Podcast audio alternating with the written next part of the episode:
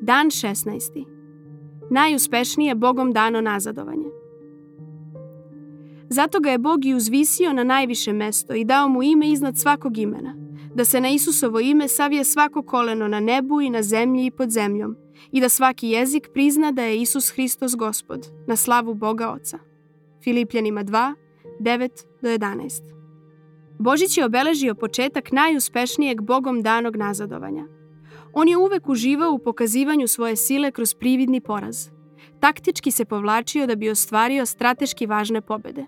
U Starom Zavetu čitamo kako su Josifu, jednom od Jakovljevih 12 sinova, u snu obećane slava i moć. Ali da bi ostvario tu pobedu, morao je da postane rob u Egiptu. I kao da to nije bilo dovoljno, kad su mu se okolnosti popravile jer je bio čestit, snašlo ga je nešto još gore od robstva. Bačen je u zatvor. Ali sve je to bio deo nauma, Božijeg nauma za njegovo dobro i za dobro njegove porodice, a u krajnjoj liniji za dobro celog sveta.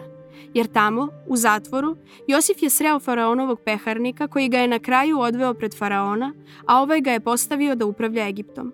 Tako se njegov san konačno ostvario. Braća su mu se poklonila, a on ih je spasao od gladi. Kako neobičan put do slave. Ali to je Božiji put, čak i za njegovog sina, koji je samog sebe učinio ništavnim, uzevši obličje roba, pa čak i gore od roba, zatvorenika i bio pogubljen. Ali i on je, poput Josifa, ostao čestit. Zato ga je Bog i uzvisio na najviše mesto i dao mu ime iznad svakog imena, da se na Isusovo ime savije svako koleno. To je put koji Bog ima i za nas.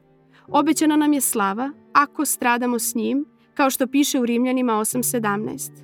Put gore vodi naniže, put napred vodi unazad. Put do uspeha vodi kroz nazadovanja koje je odredio sam Bog.